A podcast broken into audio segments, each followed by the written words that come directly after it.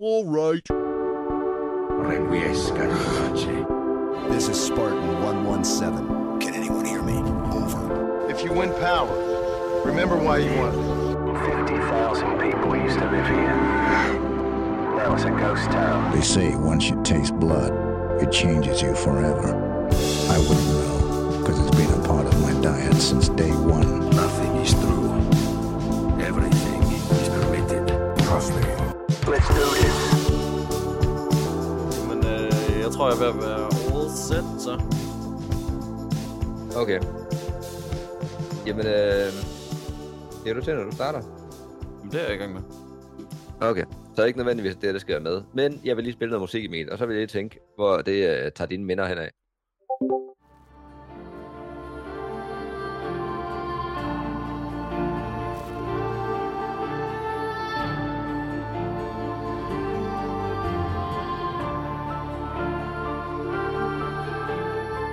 Du spørger mig, hvad, hvad jeg synes, det minder om, eller hvad? Eller hvor du synes, det kommer fra. Øh, jamen, jeg tænker, det kommer fra Assassin's Creed. ja, fair nok. Nå, det var bare fordi, at det her det er jo et af de stykker, der bliver spillet i Assassin's Creed 2. Og... Skråstrej skip.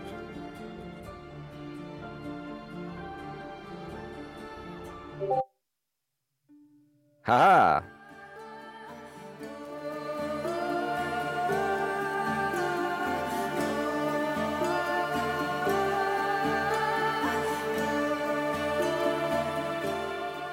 Jeg ved ikke, om vi kan høre det, men det her det er så en anden sang. Kan du så gætte, hvad for et spil det kommer fra? Assassin's Creed. Det er med for et. Altså, det kan, jeg, det kan jeg se inde i gruppen, men, øh, men jeg er etteren. Nej, det er ikke fra Assassin's Creed 1. Det er fordi, at øh, det album her, det hedder The Flight. Men sangen, den kommer fra... Sangen hedder bare Assassin's Creed. Det er mange af de sange, der kom fra Assassin's Creed 2, de kommer igen i de senere spil. Altså, de kører lige noget øh, nostalgi i de senere spil. Jo. Så, øh, det er sådan, oh, kan I huske det rigtig gode spil, vi lavede engang? Lige præcis. Kan I huske Assassin's Creed 1? Nå nej, det gjorde vi ikke. Men Assassin's Creed 2, hold kæft, der er mange bangers der. Dem fyrer vi lige videre i de senere. Og det gør ondt på mig, at du ikke bare tænker, det her, det er det spil. Fordi lige snart jeg hørte det i spillet, da jeg spillede spillet, så tænkte jeg, holy shit, det skulle da, det skulle da lige taget ud af Odyssey. Åh oh, nej, vent, det var det så ikke. Det var så taget fra Odyssey, ud af toren. Ja. Altså, jeg, jeg tror ikke, at jeg øh, tænker, det, øh, sådan linker det til noget bestemt. Jeg tænker bare Assassin's Creed. Så det er nok bare derfor. Det er, sådan, det er bare lyden af, af spillet. Fair nok. Det var jeg, jeg ved det ikke, jeg ved ikke rigtigt, at jeg kunne høre den, eller kende den fra andre af spillene, udover Assassin's Creed 2 og så Odyssey. Og jeg, man hørte det her rigtig meget i Odyssey. Det giver god mening. Det er også fedt. Jeg synes, det er, et, Det er øh, rigtig nice fedt. score. Men jeg synes, det var sjovt, at uh, de, jeg selvfølgelig lige ændrede den en lille smule. Men da jeg hørte den sang der i Assassin's Creed 2, der tænkte jeg, oh damn, Oh, damn. oh damn. Jamen, det er da godt. Så er der styr på musikken. Det var bare det. Var bare det. det var bare lige, der var lidt hype for mig. Og jeg tænkte, at uh, eftersom I to er musiknørderne, og jeg ikke er, så var I bare med på den der. Ikke så meget, at det ikke for, at jeg ikke spillede Odyssey. Men, uh, Det er der pris på. men uh, det, det, er stadigvæk, altså musikken i Assassin's Creed 2 er stadigvæk fucking dejligt, synes jeg. Generelt er det jo et øh, ret godt spil. Ikke også, Alex? Jeg Jo, ikke, skulle du lige huske, at øh, når vi snakker om Assassin's Creed 2, hvis der er noget negativt at sige, skal du formulere det lidt ligesom et vidnesbyrd. Så hvis man har nogle negative ting at sige, så skal det formuleres på en positiv måde. Andet så tror jeg ikke.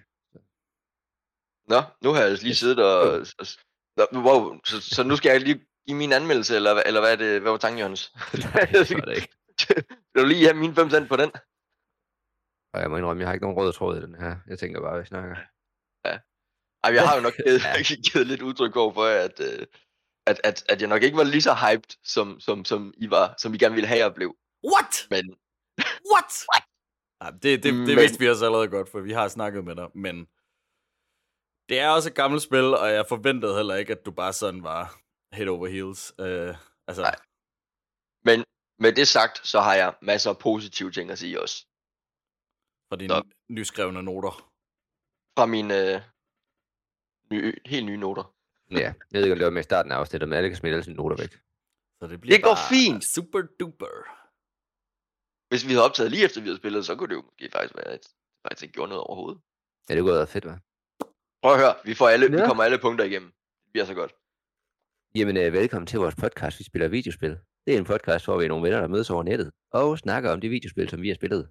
Og i dag, til i dag, har vi spillet Assassin's Creed 2, som Emil og jeg lavede en lille spin-off med, men kun med det første, fordi vi valgte så at tage Alexander, som er historienørden med i snakken om Assassin's Creed 2. Det er pæne ord, var Alex? No pressure. Ej, jeg, jeg ved ikke, om, om jeg synes, det er en, øh, en spin-off, vi har gang i, men, øh, men fair nok. Nej, det var det nok heller ikke. Det var fordi, jeg tænkte, eller planen var jo originalt, at vi skulle spille hele serien igennem, bare dig og jeg. Så derfor tænkte jeg, at det var sådan lidt... Jeg tænker i hvert fald i løbet af podcasten, at vi når men, øh, alle spillene igennem, og dem, der så har lyst til at være med, det er jo bare, det er jo bare så fedt. Skal de da have. Hvis Victor lige tænker, at det her det er bare spillet for ham, så skal han da bare springe ind. Jamen, han er, han er jo ikke sprunget, kan man sige. Men øh, han, har, han, han, han har også givet udtryk for, at det, øh, at, ja, det vil han ikke øh, prioritere sin tid til. Og det er så fint. Altså, det er også et, øh, det er også et gammelt spil, og, og, og der er en del nostalgi. Men jeg synes, øh, ligesom jeg synes, vi snakkede om i det første spil, så synes jeg, så synes jeg alligevel, at, øh, at kvaliteten hæver sig over nostalgien. Jeg synes, det var fedt, og det var sjovt, og jeg har ikke så mange negative ting at sige, kan jeg lige så godt øh, røbe. Selvom, altså, hvis man kigger på øh, grafikken og glitches og alt muligt, så er der stadig mange sådan irriterende ting. Men jeg tror bare sådan overordnet for oplevelsen, der gjorde det mig bare ikke det store. Men, øh, men jeg ved ikke, om det er sådan de ting, du har slået ned på, Alex, eller, eller du synes lidt øh, hele Leonardo da Vinci-delen, og vi flyver i hans... Øh, i, den der pro, i det der prototype fly, og, og sådan de ting. Altså, jeg synes jo bare, det er skægt. Men jeg kan Jamen, godt jeg- forstå, jeg- hvorfor man måske vil cringe over nogle af tingene. Jeg, jeg, jeg cringede en del. Og, der var, og, og jeg ønskede virkelig, fordi jeg synes, altså, helt overordnet, så synes jeg, at altså, konceptet, altså der er så meget potentiale i det her, at det de sætter op, og den verden, de har bygget her, hvordan, altså de genskaber jo øh, renaissance, altså store, store byer i renaissancen, altså Mm. Firenze og Venedig og så videre, og, og lege, egentlig lege rundt i det, og arbejder med de her øh, kendte historiske karakterer, og, og, øh, og der er bare så meget potentiale i det, og jeg, jeg fik den fornemmelse undervejs, at historiemæssigt, så lever de ikke op til, altså det manuskript, der er skrevet nogle gange, jeg sad nogle gange og råbte af skærmen, må jeg indrømme, fordi jeg ønskede bare så meget af det. Øh, og jeg ønskede, at man havde gjort lidt mere ud af, af, en, af en dialog, øh, end, end jeg synes, de gjorde. Så det er lidt en både og, og, og for eksempel også lige øh, ja, Leonardo da Vinci's øh, ja, lille, lille drage der. At, ja, det, det var en sjov sekvens, men jeg kunne ikke, jeg, jeg følte den ikke. Det, 13-årige mig havde, havde nok haft en anden holdning. Det er Ja. jeg ikke i tvivl om. Fordi der er, altså, du og jeg, Johannes, vi er jo kommet lige hjem fra, øh, fra skole, og har, har siddet og haft øh, æstetik, som man har på Steinerskolen, og, øh, og lige har hørt om alle de her ting, og så, så man jo sidder på det tidspunkt også, og, altså der var han jo, Leonardo da Vinci var bare kæmpe fan af alt, han lavede. Han var bare den sejeste dengang, ikke? Og, og når man så ser øh, øh det praktiseret, alle de tegninger, der han har, kunne den der rent faktisk flyve i virkeligheden og, og sådan noget. så jeg var ved at eksplodere. og ikke bare med, at du siger, at vi kom hjem fra skolen fra æstetik. Over ved øh, Nette Ballund, der var sådan en øh, bog fra, med Leonardo da Vinci's tegninger og opfindelser. Og der er den drage, som, øh, som man flyver i. Den tegning er der i.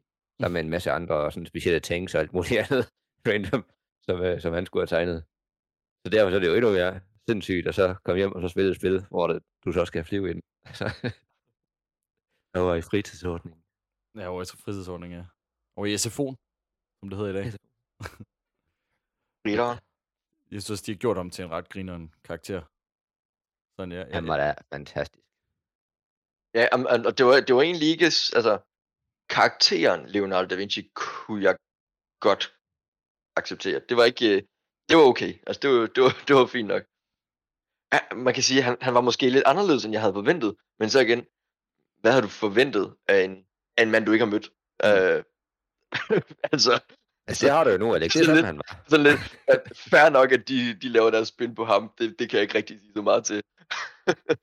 men, øh, men jo, han var, han, var, han var sgu meget fin. Mm. Og, og den, måske også den lidt åbenlyse øh, Q-karakter øh, Ja. og, og smide ind der. Ja, med hans øh, små vidigheder, eller hvad, det der, hvor man får øh, The Hidden Blade, og så han siger, at man skal have skåret fingeren af, for at vise Så sin dedikation. ja. Og så er han sådan, fint nok, så gør det hurtigt. Så er han sådan, ah, There, it's finished. Huh?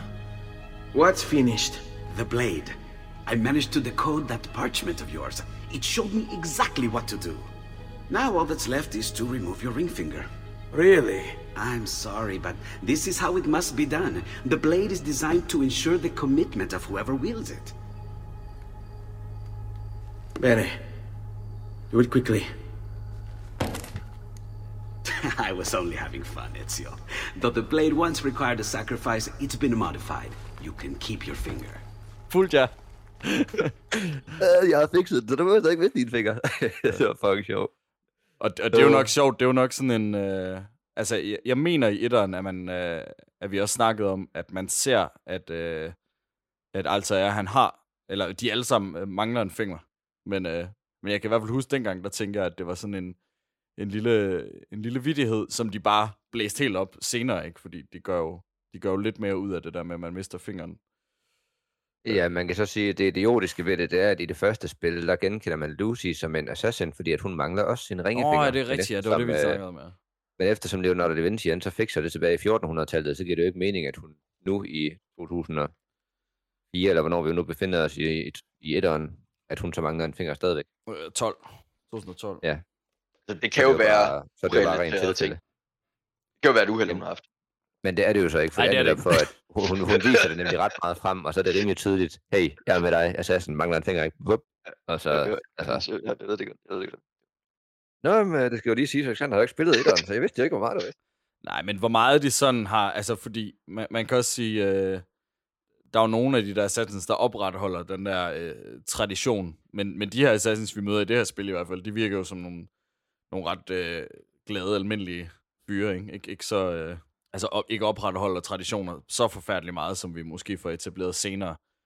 Altså i 12 eller i 1400-tallet? Ja, altså, det vi lige har spillet i 1400 i renaissancen, det er jo nogle, Ja, ja, okay, ret, ja. det, det er jo nogle ret øh, lystige personer, synes jeg. Altså, de virker, Det må man sige. Altså det... Jeg tænker i hvert fald, de, de, har, de har skruet op for, øh, for sådan, øh, øh, sådan øh, hvad, hedder det, lystigheden, ikke? Altså, Jo, altså, der er jo... Der, selve tonen, den er rimelig ja, lystig ja, i forhold lige til præcis, tonen er, 1. ja. Det er en ret lys tone, der er i, i det spil her. Uh, og det er jo nok også, måske, Første, måske også derfor, folk er, er så glade for det, ikke? Fordi der er ret meget humor og, og hjertevarme og, og jo, generelt så er referencer. Ezio Auditore Difference, uh, han er jo uh, rimelig likable lige fra starten af, og glad tonet og lystig. Hvor at, uh, hvor Altair, han er lidt en douche lige fra starten af. Ham skal vi lære at elske, og Ezio ham elsker vi lige fra starten af. Lige præcis. Ikke Alex? Jo, jo, jo. Men man møder ham jo, altså, man møder ham jo som en ung, dum teenager, øh, som der også er lidt af en, lidt af en pick and player, men det kan man jo godt acceptere, fordi han er jo bare ung og dum. Øh, og så udvikler man sig jo ligesom sammen med ham, altså følger ham på sin rejse, da spillet det jo foregår over, shit, hvor mange år det er, 20 eller sådan noget. 30, 20-30 år, ja. 30 år. Ikke? Så, så, så, han, så han vokser jo ligesom op, øh, Jeg, jeg mener, vi springer to, man to gange 10 år. Sådan i løbet af... Og så, og så nogle få år ind imellem. Ja, det kan godt passe. Det er cirka 30 år. Ja. Men ja, det kan være, at vi lige skal tage lidt om, øh, om spillet, og så komme til... Øh, nu danser vi lidt om grøden jo. Det gør vi altid lige indtil vi har fået etableret sådan. så øh, Men- Jeg, jeg, jeg, vil- jeg må lige forrette det der. Der står, at den er trukket over en periode på 23 years. Ja. Så 23 år. spillet er, er udgivet i 2009 af Ubisoft og udviklet af Ubisoft Montreal, ligesom hele Assassin's Creed-serien jo er. Det er først udkommet til PS3, Xbox 360, og senere udgivet til PC, og det gør de altid af en eller anden årsag. Øh, Vi har jo spillet det på PC, men jeg går ud fra, alle sammen har spillet det med controllers. yes. Yes. Det fungerer altså bare bedst. Frem for dengang spillede jeg på tastatur, så det så noget af en tilvænding at lære controls, fordi at det som sagt er et gammelt spil, og derfor så var controls lidt anderledes. Jeg ville jo gerne kunne sprinte på A, ligesom man gør i nogle af de nyere spil, eller bare ved at holde R3 nede, eller L3 nede. Jamen, det kunne man jo så... Lidt sådan lidt små ting. Det, ja, det ved jeg godt, man kan ændre, men det synes jeg ikke helt, det hang sammen. Mm. Jeg synes ikke, den var så god til at fortælle, øh, det mener jeg også, at ikke han tænker, hvilken knap, der betød hvad. Det, det skal du ligesom spille halvdelen af spillet igennem for sådan at lære, når det øje her, det betyder det her, og derfor skal den forbindes på den knap. Det kan du ikke rigtig Ej, det, customize det fra fik jeg starten af, altså- det fik jeg altså klaret i løbet af en halv time. Altså, Jamen, det gjorde jeg ikke. Jeg gik så til gengæld ind på Steam, og så kan du bare vælge den øh, mest likede controller okay. customering, og så vælge den. Så den giver fin mening. Det skulle jeg sgu også have gjort. Jeg har brugt det ja, lang tid på at få øh, indstillet controller og fat, fat, hvad, hvad, hvad, hvad, hvad, altså, hvad, hvad. Og, så det var lidt en træ starter. Det, det, var, det var ikke så godt. Det var ikke lige så godt for mit humør på det tidspunkt. Og det kan man sige, det er, jo, det er jo, hvad der sker, når det er så gamle spil og sådan noget. Men, men jeg ved ikke, Ja. altså, jeg, jeg havde ikke rigtig nogen problemer. Men jeg havde selvfølgelig også kommet lige fra Assassin's Creed 1, hvor at, øh, det at sætte controls op var, var lige så slemt. Øh, så, så jeg har lige været det igennem, altså hvordan man ligesom skulle Ja. gøre. Men altså en halv time, en time af gameplayet var det lidt irriterende, for jeg skulle sidde og finde ud af, øh, hvad for en knap, der gjorde hvad. Men efter det, synes jeg, det har fungeret fejlfrit. For mig i hvert fald. Altså, jeg, jeg tror aldrig, jeg har fundet ud af, om jeg har fået sat controlleren op præcis, som man skulle. Øh, men jeg lærte, jeg lærte den jo at kende undervejs, så det fungerede jo fint. Jeg, jeg, tror, jeg tror, det var nogenlunde, men der var lige nogle knapper sådan ind imellem, som... Og det, det vidste jeg sgu ikke lige, hvordan... Øh, der var, jeg tror, der var nogle små ting sådan undervejs, som jeg ikke fik brugt. Men øh, det første spil, der er lavet i Ubisofts Anvil Engine, øhm, som er en ny engine, de lavede efter det første Assassin's Creed, og det synes jeg også, man kan se øh, på grafikken, at der er, noget, der er helt klart noget raytracing, der går helt amok. Jeg synes, det er næsten for meget nogle steder. Der er kommet en kæmpe klat farve ind i universet frem i forhold til etteren, og så alle deres øh, ansigtsmimikker er blevet tydeligere, og de har fået nogle runde kanter i ansigtet frem for det der Ja, pantede noget fra det første. Men jeg synes godt nok, jeg tænkte også lige, wow, første gang man så øh, Lucy, med, med alt det farve, hun lige pludselig har fået i hovedet. ja. Men jeg tror, øh, det er ikke fordi, jeg synes egentlig, grafikken er øh, så meget bedre, men, øh, men de har lige arbejdet lidt med, altså det er jo en helt ny engine, ikke? så de, de har ligesom måttet genskabe det hele. Og det beholder de så til, øh, de laver et Prince of Persia-spil, øh, Forgotten Sands med den engine, og så laver de Brotherhood og Revelations også. Så det er ligesom, hvad kan man sige, Ezio-trilogien der. Øh, de ser jo ens ud på den måde. og jeg tænker, det må have været rimelig nemt at arbejde med, eftersom de udviklede det spil her med alle de forbedringer på kontorer. Det er jo sindssygt. Mm. Spillet det solgte mere end øh, 9 millioner kopier eller enheder. Og man kan jo ikke rigtig finde budget til de spil her. Vi har givet sådan et, et slag på tasken i de andre afsnit, og, og det virker lidt åndssvagt, fordi vi ved jo reelt ikke, hvor meget det har kostet. Men, øh, men jeg har kunne finde frem til, at, at det her spil har kostet 20% mere at udvikle end det første Assassin's Creed. Wow! Men, så, så, de har lige fået hævet budgettet en lille smule, og altså, kæft, de, de har gang i mange tråde og mange karakterer, og, altså, jeg tænker, det er et kæmpe team, der har arbejdet på det her. Så, så, så tænker jeg ikke 20% egentlig er så forfærdeligt meget i forhold til, hvor meget større spillet er. Men det, Ja. ja. det er i hvert fald en, en uh, gigasucces med 9 millioner uh, solgt, ikke? Og på historie, så så jeg sådan en øh, bagom Assassin's Creed 2, og det virkede ikke som om, at, det er, at de har skrevet en, en længere historie, men lidt mere bare fundet på det on the fly, med hensyn til, når det er, at de skulle finde et, øh, et tidsperiode, som det næste spil, det skulle handle i, så kigger de på tidsperioder og tænker, hvad kunne der være fedt? Og så var det lidt mere bare sådan, renaissancen, det er fed, og det, det kunne passe godt ind. det, det, det virkede lidt mere tilfældigt, den måde, de snakkede om, at de havde fundet frem til det på. Det synes jeg, det var lidt ærgerligt.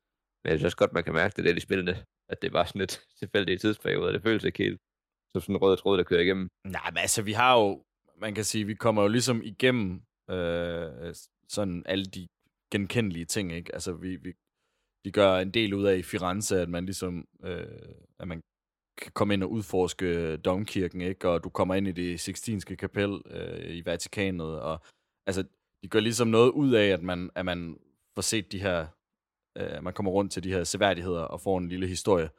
Og altså, det er, hvad jeg forventer af, af sådan noget. Det er også derfor, de skipper i de her tidsperioder, ikke? Så, vi, så vi sørger for at komme godt rundt, ikke? Altså, jeg tror, Ja. ja. jeg, jeg kunne ikke helt... Jeg synes, jeg, jeg sad lidt med en følelse af, at der har været to retninger. Øh, Eller der har været nogle idéer, og så har man bare lidt klasket det sammen. Al- Altså i forhold til, nogen, nogen vil gerne lave altså, et fedt actionspil.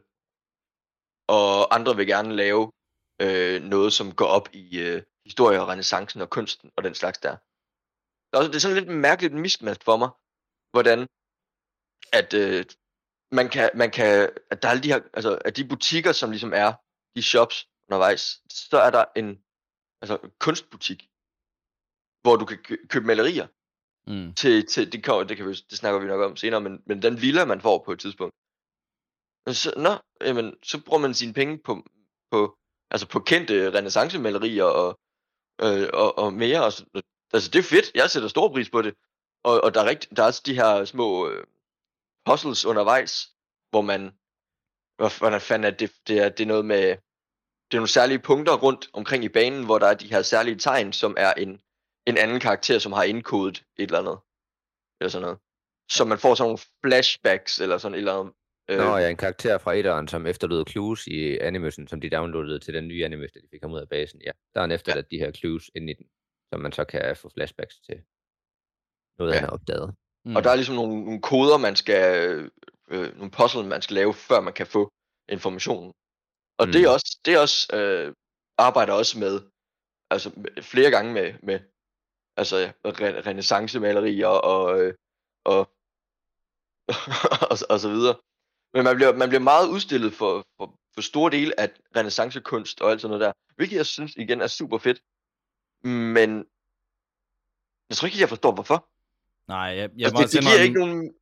Før du lige Enig. nævnte det nu, der havde jeg sådan faktisk lidt svedt den der del ud, fordi det betyder så lidt for mig. Jeg, jeg synes, det er, lidt, det er en lille og ubetydelig del af spillet, og jeg, jeg, er enig, jeg, jeg, jeg, det, var, det var nok heller ikke, ja, det var nok heller ikke helt nødvendigt for mig. Det, det har ikke gjort noget for min oplevelse, at de ting var der. Jeg har skippet lidt hen over det. Altså, har Ja. I, været, har I set hele den video og det flashback, som man har sendt ind? Nej, nej, nej. Okay. Jeg synes da lige, at I skulle tage tiden og så lige gå ind på YouTube og se alle de flashbacks der, som de har sat sammen. Ja, der er meget af historien til de efterfølgende spil. Som jeg synes giver god mening at få med, nu når vi skal spille hele serien igennem. Okay. øh, det er bare mig. Jamen, det har jeg nok gjort på et tidspunkt, men igen, det, det, det, det betyder meget lidt for, for den oplevelse, jeg har haft, og jeg synes, der var andre ting, der, der var noget mere interessante. For eksempel, øh, altså når man er assassin, så, så har man det her Eagle Vision, og så finder man de her øh, assassin-punkter, hvor man får nogle bagindgange, for eksempel til domkirken i Firenze, og skal ind og kravle og, og ligesom finde en hemmelighed. Og det, det synes jeg var, det, det synes jeg var mega godt, øh, sådan, hvor, hvor de har været øh, ikke lige så ubeslutsomme, som, som ligesom at du siger, Alex, at de er gået lidt i forskellige retninger. Her, der synes jeg, de samler det rigtig godt, at man får, at man får lidt øh, både det, noget af det bedste fra renaissancen, men at man også, at det er noget af det sjoveste i Assassin's Creed, og det er jo at kravle rundt, og det er jo det, der fungerer så skide godt. Og der synes jeg, de har fusioneret de to ting helt perfekt. Ja, du snakker om de her, øh, de her fire grave, øh, assassin-grave, man skal finde, ikke også? Ja. De var Jeg vil sige, der er lige en lille, jeg synes også, de er super fede, men der er en lille suspension of disbelief, synes jeg, i det, du går udenfor, og så vender du det der kranie derom, som er alle de der tandhjul, der bare kører automatisk. Det var sådan Det tænkte jeg også dengang, Ja. at, at, at, at, måden det var bygget på og sådan noget, at de kunne det dengang. Altså, og det er jo blevet bygget måske 100 år før Ezio han er der. Så det var sådan lige... Men det, det, er, det er også meget, meget lille ting. Ja, Men ja, ja, det, er det er i hvert fald monsterfedt. Det var måske lidt high-tech og sådan noget, ikke? Det var rimelig high-tech. så kører det bare på automatikken. Men så Men- igen, altså tandhjul, det kan være, at det han hiver, bare hiver den ud, så er der bare en mursten, der trækker den ned, og nogle, nogle tandhjul, der så kører rundt i det mursten, den trækker. Altså, det behøver ikke være så high-tech, men det ser lidt Ja. high-tech ud. Efterladt til fantasien. Ja, det er det jo. Det er derfor, man godt kan købe den. Men øh, ja, monsterfede puzzles. Og lige på nær dem der, Alec, med at man får det der flashback, så synes jeg, at alle, en, alle de der, hvad hedder det, øh, bonus objectives, man kan lave, der får man altid et eller andet ud af det. Som for eksempel at samle de der objekter, så man får den der fede rustning. Det gik godt det egentlig. Ja, det er jo som man får, øh, altså, det er jo Altair's rustning, man får. Ja, man kan så diskutere, Som at er- er... er døde, så er den, så er den rimelig, øh, så er den stilet et par århundrede fremad, eller i hvert fald et århundrede. Men øh, det var lige godt. Men jeg, ja, altså sådan historisk, så var jeg, jeg ikke sikker på, at jeg lige kunne følge øh, det, altså, at de har, at de der grave, de der fire, øh, der, det er jo så fem assassins grave, som er åbenbart her omkring. Og, det, og det, de stats, der, er, der er fire statuer, eller fem statuer nede i den her krypt der. Øh, og den ene, det er jo så Al- Altair, og så de fire andre, det er dem, man skal ud og finde, for at få Altairs armor. Mm. Men jeg får lidt det indtryk, at det er ligesom, det, det er øh, assassins fra forskellige dele af verden. Vi har en med lidt øh, egyptisk udtryk, en med sådan lidt mongolsk udtryk, øh, og så kan jeg ikke lige huske de andre. Ja, Johannes, det, det Ja, det er... var godt. Nå, det var det, der fik dig. Okay. Super. Wow. Wow. Moving on. Nå, slet det. Det er ondt. Det fangede jo bare ikke lige helt, at okay, de er de grave, de kan findes her i nabolaget, og så støder man lige tilfældigvis på dem sådan undervejs. Det var sådan lidt, ja, okay, okay. Altså, jeg synes jo måske godt, det kunne have været mere tro- troværdig måde, og, og sådan. Men altså, fuck it, det var nogle fede baner og alt sådan noget. Så det var, Nu siger du rundt omkring i verden, og nu har vi spillet de efterfølgende spil, så vi kender nogle af de karakterer der. Hvis du læser på dem, så kan du også se, at de kommer fra forskellige årstider. Eller årstider, det er så ikke helt rigtigt. De kommer Øh, vores det forskellige- gør de de gør de måske også. Fra forskellige årstal. Uh, den ene, nu kan jeg ikke huske, hvad det er, hun hedder. Hende uh, hende får du lov at se senere spil, Assassin's Creed øh, Origins, som foregår i Egypten. Ja, det tænker jeg. Men, men så er det bare Så, lige, deres grave er lige samlet, er, er, er i Firenze. Jamen, jeg tror, jeg, jeg så det ikke som deres grave, jeg Ja, så det deres- bare som sådan et uh, mindested, eller sådan en... Monument. Nej, nej, det altså, det, andet. det man skal ud og finde, det er deres grav. Det er deres grave. Ja.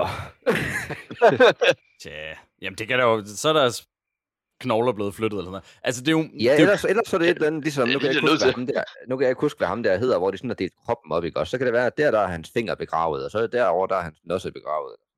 Men jeg kan ikke huske, hvad det er for en figur, hvor det er, at de, øh, der, der er jo et eller andet historie med en eller anden, hvor hans nosse er et eller andet sted. Det synes jeg, det var meget sjovt. det er en fed historie i hvert fald. Men så ligesom ja. det uh, sådan redik, eller hvad man nu kalder det for, så kan det være, at det er sådan, der hedder kroppen og røger lidt rundt omkring. Så er der flere forskellige grave rundt omkring i verden. Yes. Men det er i hvert fald, øh, det er i hvert fald mo- motivationen for at komme rundt øh, og, og, og opleve de her, øh, hvad, hvad kan man kalde det, sådan en forhindringsbane, som de har sat op.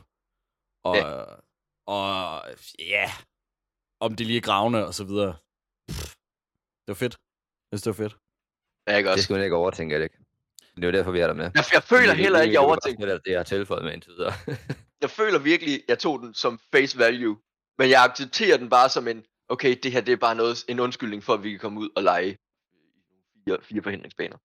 Det var det da garanteret også, men det var nogle fede fire forhindringsbaner, synes jeg. Det var Meget det. nemmere, end jeg husker dengang. Ja, jeg faldt godt nok øh, ned mange gange, da jeg var, eller da det kom ud, og vi spillede det. Vi var jo nogle små drenge dengang. Og, øh, og jeg husker det som næsten umuligt, nogle af dem. Og jeg tror, ja. jeg tror ikke, jeg faldt ned en gang den her gang. Men det er så også, jeg tror, det er fjerde gang eller sådan noget, jeg spiller spillet. Så Det er så kun anden gang for mig, men jeg mener heller ikke, at jeg faldt ned den eneste gang. Men vi har så også spillet alt for, F, hvad hedder det, ja, efterfølgende. hvad med dig, Alex? Kom du igennem uden skrammer? Hell no. Fuck, jeg faldt meget. Øh, Perfekt.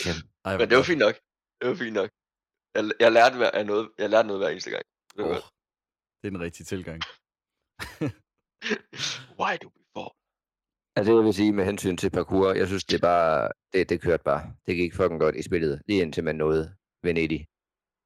Der valgte han bare at hoppe i vandet, frem for at hoppe over på modsatte bygning på den anden side af den lille flod der hver gang. Pisse irriterende. Jeg havde mere nogle, nogle, nogle andre ting. Det var sådan noget, der, der er en... Øh, øh, der er en bane, hvor du skal, øh, du skal beskytte en båd, og så skal du løbe langs vandet og, og, og slå øh, nogle modstandere ihjel, der står og skyder pil ned på den her båd. Mm. Og der er på et tidspunkt, hvor jeg så tænker, Nå, men jeg hopper da lige over på båden, for at komme over på den anden side. Og hvis man gør det, så siger de, Huh! og så hopper de i vandet alle sammen, og så har man tabt missionen. og jeg var bare sådan, why? Og jeg kom til at gøre det to gange, fordi jeg ved et uheld kom til, jeg vil hoppe ud, og så hopper han ned på båden i stedet for. Og det, det er sådan nogle ting. Åh, det... Det, det skete så ikke for mig, men der skete så det, at først stod de på den ene side af vandet, så gik jeg derover nakken, og jeg så ville hoppe over på den anden side, men så vælger han så at lave et hovedspring, på trods af, at der ikke er mere end en meter fra den der pæl. Ja. Man skal virkelig, man skal, man skal sigte meget præcis med ens viewpoint, når man løber og så laver parkour i det her Ja. spil. Frem for i etteren, der, der kunne den meget godt forstå, hvor du ville hen. Mm. Fordi at der, ikke, der ikke var så mange muligheder med at for eksempel lave hovedspring ned i vandet og sådan noget, men det var der godt nok her, og så kan den kan simpelthen ikke regne ud, hvor det er, jeg gerne vil hen. Jeg Det tror, det var. Ja, jeg tror, det du, det, du, det nævner der, det er, det er hovedkilden til min store frustration med controls. Fordi Jeg kan sagtens forstå, hvis man er, når man er vokset op med det her, og, og har lært det at kende fra, man var ung og alt sådan noget der, at så har man det mere inde under huden, hvordan det fungerer, og, og hvordan man skal agere med det. Men at komme ind i det nu, med det targeting-system, der ligesom er i hans bevægemønstre, og hvad han tager fat i, og altså, fuck mig, altså, den, altså, det er jo ligesom lavet til, at du skal hurtigt øh, igennem byen, så det går, jo- det går jo stærkt nogle gange. Altså også når man, når man flygter fra, fra vagter, eller, eller man skal nå et eller andet i en bane, hvor der er tid på, eller, sådan noget. Altså der skal det bare gå stærkt. Og der er nogle gange, og, og ret ofte, så øh, sætter han så ligesom, så du vil gerne gøre noget, men så tager han fat i noget andet. Altså, Mm. fordi der er ligesom alle de her muligheder her, og hvis du ikke er præcis på, altså ved hvordan, hvor du skal hen, og hvordan du skal agere i det, så tager han fat i noget andet, eller gør noget andet, hopper et eller andet lortet sted hen, eller hvad fanden ved jeg. Det er det, Victor Jamen, så- kaldte Assassin's Creed-syndromet i forhold til et andet Jamen, spil, det hvor han synes, controlsene øh, agerer ikke helt, som han gerne vil have det. Og det er åbenbart en ting, folk de kalder Assassin's Creed-syndromet, fordi mange har været så irriteret over det, i, specielt i det her spil. Men det Ja. var vi også dengang, men jeg må så indrømme, det var kun i Venedig. Jeg synes faktisk ellers, så har det fungeret rigtig, rigtig godt. I det de her, øh, de her krypts, hvor man skal rende rundt, hvor det er, at du skal igen nogle high-tech øvelse, hvor det er, at du lige skal løfte sådan en, et håndtag op, og så har du tid til at komme igennem banen. Der synes jeg faktisk, at, at det gik rimelig smooth hver gang. Der var et par gange, jeg ikke nåede det, men ellers synes jeg, at det gik rigtig fint. Et sted, hvor det fungerede helt, øh, helt perfekt, synes jeg, var de der chase-sekvenser, som de har tilføjet, hvor du skal jagte en mand igennem en lang, lang gang, hvor han bliver ved med at lukke port efter sig, og så skal du finde sådan en parkour udenom måde at fange ham på. Det synes jeg, det er monster fedt. Ja, der er jo de der krypte, som du kommer igennem, og så skal du, øh, så skal du ligesom finde en vej.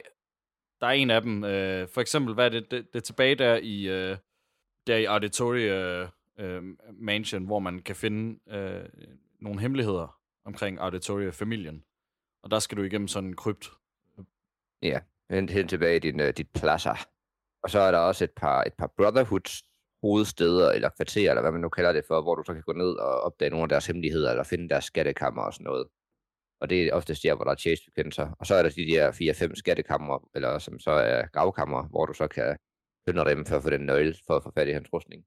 En lille ting med til parkour, de har tilføjet, som ikke var i det første, det er, at du kan løbe øh, lige op ad en væg, og så kan du hoppe til den ene side. Ja, det var en lille ting, så jeg var synes var fantastisk.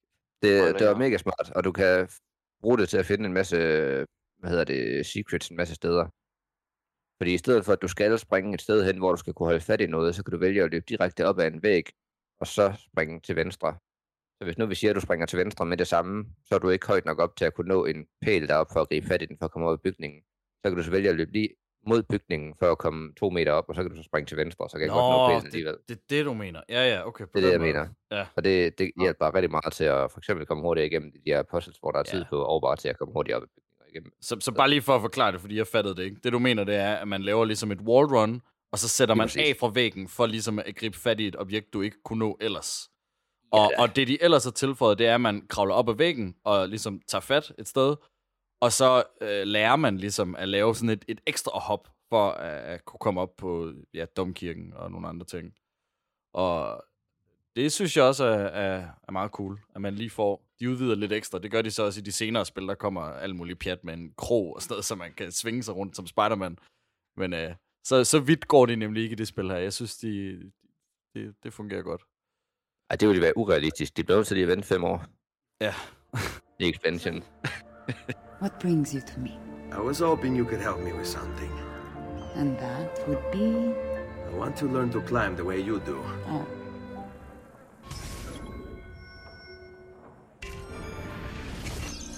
Right.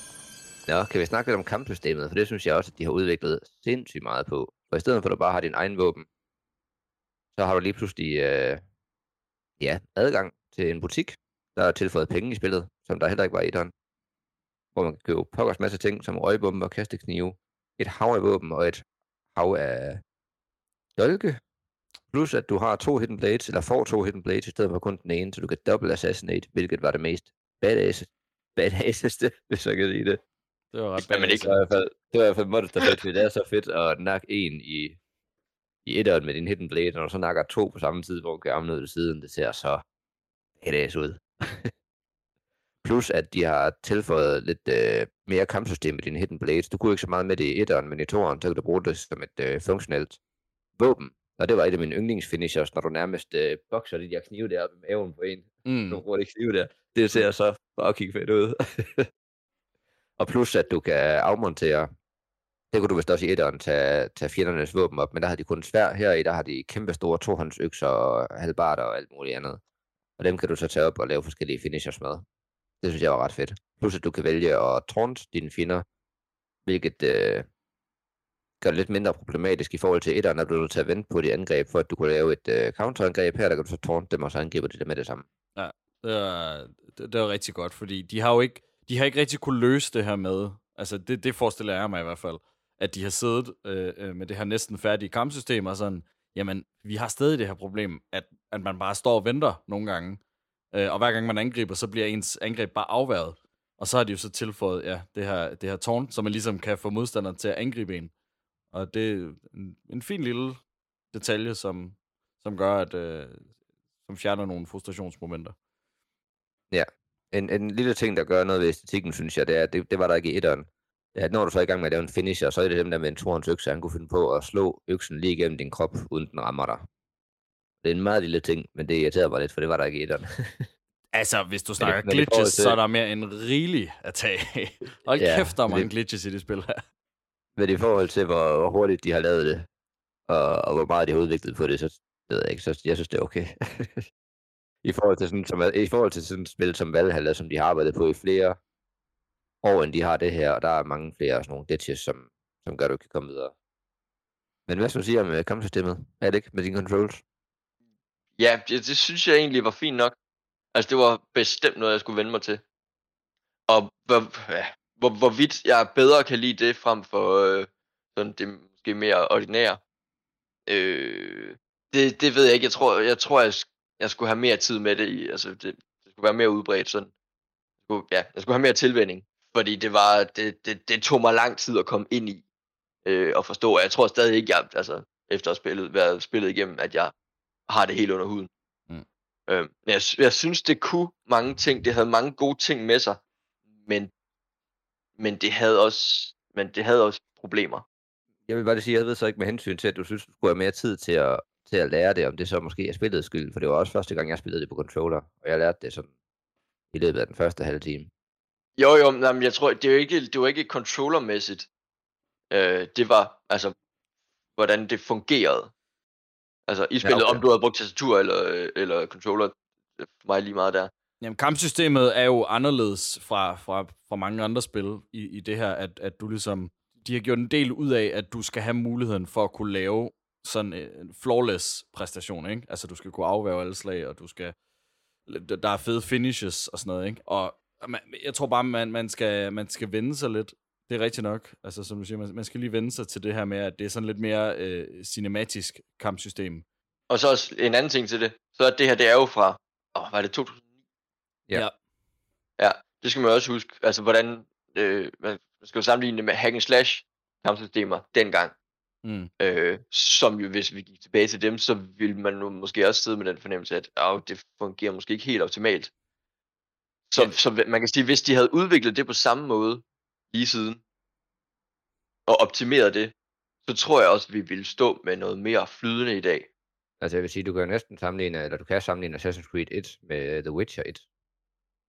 Så lige der imellem The Witcher 1 og 2, det er så der, vi har Assassin's Creed 2. Og der synes jeg så, hvis man sammenligner de kampsystemer, så altså i Witcher 1, der synes jeg, det er fuldstændig uspilleligt. I toeren, der synes præcis. jeg, det er, det er noget bedre, men jeg kan stadig meget bedre lide. Øh, Assassin's Altså- Creed. ja, og i, i det første Assassin's Creed, der, der synes jeg også, altså kampsystemet fungerer fuldstændig fejlfrit, og det er altså fra 2007. Så jeg synes bare, de har fundet, de har fundet en skide god måde at gøre det på, øh, som, som jeg ikke synes, nogen andre øh, spiludviklere havde knækket på det tidspunkt. Nej, ja. og det er også derfor, jeg vil nævne det, for at du har spillet Assassin's Creed, eller hvad hedder det, The Witcher 2, har du ikke det? Jo. Ja. Og der, der synes jeg nemlig i hvert fald også, at Assassin's Creeds kampsystem... Men, men jeg kan, ja, Jeg har, jeg, har, jeg har det jo så anderledes, altså i forhold til, at jeg har det nemmere med Witcher 2. Men det er jo så også fordi, det er det, det, er ligesom, det, jeg har arbejdet med. Men jeg kan sagtens øh, forstå, og, øh, at, at man har et andet forhold til øh, Assassin's Creed. Også fordi, at jeg ville så set ønske, at de havde fortsat med det, og ikke var bukket under for, for hvad de andre gjorde. Der er sindssygt meget potentiale i det her, og jeg tror, jeg vil komme til at holde af det på, på sin måde, hvis, altså lige, øh, hvis det var mere udbredt, hvis, det, hvis der var flere spil, som også lige sagde, men det her det er sådan, vi gør det. Og det bliver Det også øh, bedre og bedre. Og udviklet det. undervejs. Sådan har alle det. Det bliver bedre udviklet, de bygger videre på det. Det er først i Origins, de så går fuldstændig fra det. Jamen, det er rigtigt. Der går det jo... Altså, efter Witcher Okay. 3 kom, som vi jo har nævnt mange gange ja. her i podcasten, at efter, ja, efter Witcher 3 kommer, der, der ændrer de jo fuldstændig. Altså, der, der bliver spillene jo... Ja, noget helt andet. De, de morfer jo ind til alle... Alle de her MMORPG-spil vil gerne være Witcher 3. Ja, jeg synes faktisk, det, det er lidt sjovt, fordi at, øh, nu nævner jeg lige den liste her igen, med serier, der var fænomenale fra 2007. Bioshock, Assassin's Creed, Mass Effect, Dead Space, øh, Call of Duty Modern Warfare, og så øh, The Witcher. Og de er rimelig fede, og de er alle sammen originale. Men så efter, igen lidt The Witcher 3, og efter um, 2015, så er det lidt som, at de alle sammen rider lidt på bølgen af, hvad der er populært, og så kopierer de alle sammen det, i stedet for at, at fortsætte med noget, der er originalt. Ja, Jeg synes faktisk, det er så, altså, de, jeg synes, de spil her, de er så fede hver for sig, fordi alt det, de gør, det er rimelig unikt. Men så, ja, det, det ødelægger det lidt senere hen. Der, der minder alle spil så meget om hinanden. Men altså, fair nok. Det, det er i hvert fald en smagsting. Og så også bare øh, den del med, at man kan customize. Den, dengang jeg spillede det første gang, der brugte jeg... Altså, der tror jeg, jeg brugte mest tid bare på at rende rundt og, og tjene penge, så jeg kunne købe lige præcis det outfit. Og jeg havde sådan en, en core, jeg bare ville have. Altså, jeg, jeg, vil også gerne ligesom, have det hele, også fordi helt... Vi kommer jo til det her, til den her lille by her, øh, hvad fanden, hvad Mont- Monterigio eller noget, eller noget, du hvor man ligesom har et, øh, et familiepalæ. Og, og her, der, altså det her, ens onkel, han bor og alt sådan noget, og Mario. sig også. Ja, Mario! It's uh... me, Mario! Ja, det er... ja. Du smider lige uh, voice line den her, ikke? You have my thanks. Keep the sword, Ezio. Do I know you from somewhere? Don't you recognize me? It's a me, Mario. Uncle Mario? It's been too long, Nipote. Far too long. Ja, no need for explanation. Bare fortæl, Alec. Men det er fedt, at her introducerer han sig for, også for familiepalæet her, som er ligesom, det, det står i forfald, og der er ikke så mange penge og alt det der. Så hey, hjælp med at genopbygge den her lille by her, og, og, og, og vores palæ her, og, og alt muligt. Øh, og så vil du få ting ud af det og sådan noget.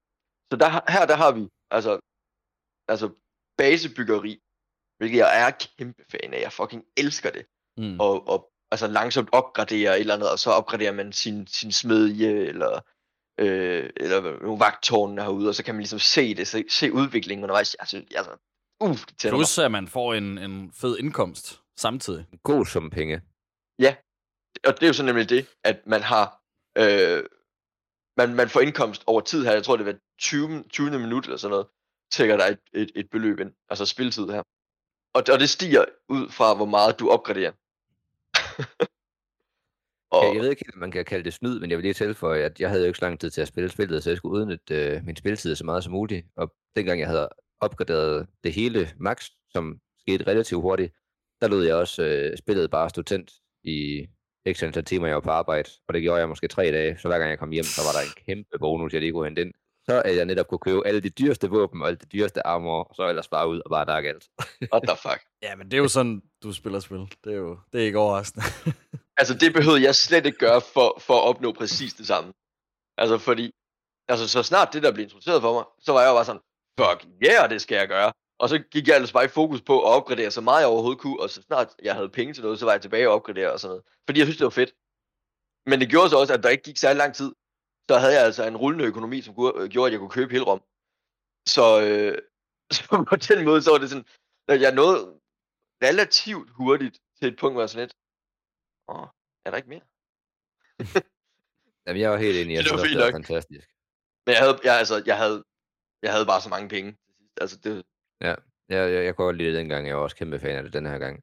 Hvor mange uh, collectibles så sådan fik I samlet? For jeg tror, det eneste, jeg ikke fik samlet, det er alle kister, og så er det fjerne, og så er det de der flashbacks til oldtiden.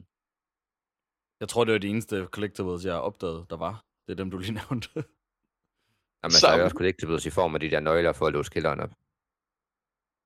Nå, ej, det ser, det, jeg ser det Og der som er collectibles, collectibles når der ikke er nogen af- reward, udover at du ligesom har gjort det, kan man sige. Men der er jo en reward. Du får jo en ekstra cutscene, når du samler alle fjerne. Og du får jo også en ekstra cutscene ved at samle alle de der flashbacks, som går tilbage i historien. Øh, og der er også alle de der statuer bag på mansion, som du så kan samle det for at komme... Jeg kan ikke huske, hvad det giver, om det er sådan en Det skattekammer giver, eller penge, sådan det noget. giver penge. Lige præcis.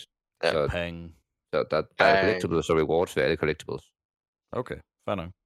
Nå, men øh, vi kan lige tage lidt af historien. Jeg har, jeg har bare lige skrevet sådan, øh, hvad kan man sige, motivationen, eller indtil, hvad kan man sige, indtil spillet kommer rigtig i gang, og bare lige så man får en sammenhæng af, hvem er Etsy og sådan noget. Men ja, øh, spillet starter, der hvor øh, etteren slutter, i øh, Abstergos laboratoriefængsel, hvor øh, at Desmond Miles har været øh, fanget.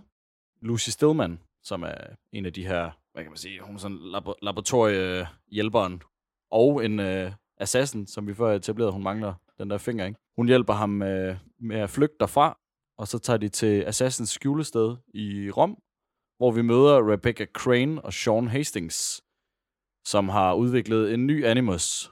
Før de kommer der til, så, øh, så tager Lucy og øh, kobler Desmond op med øh, Ezio.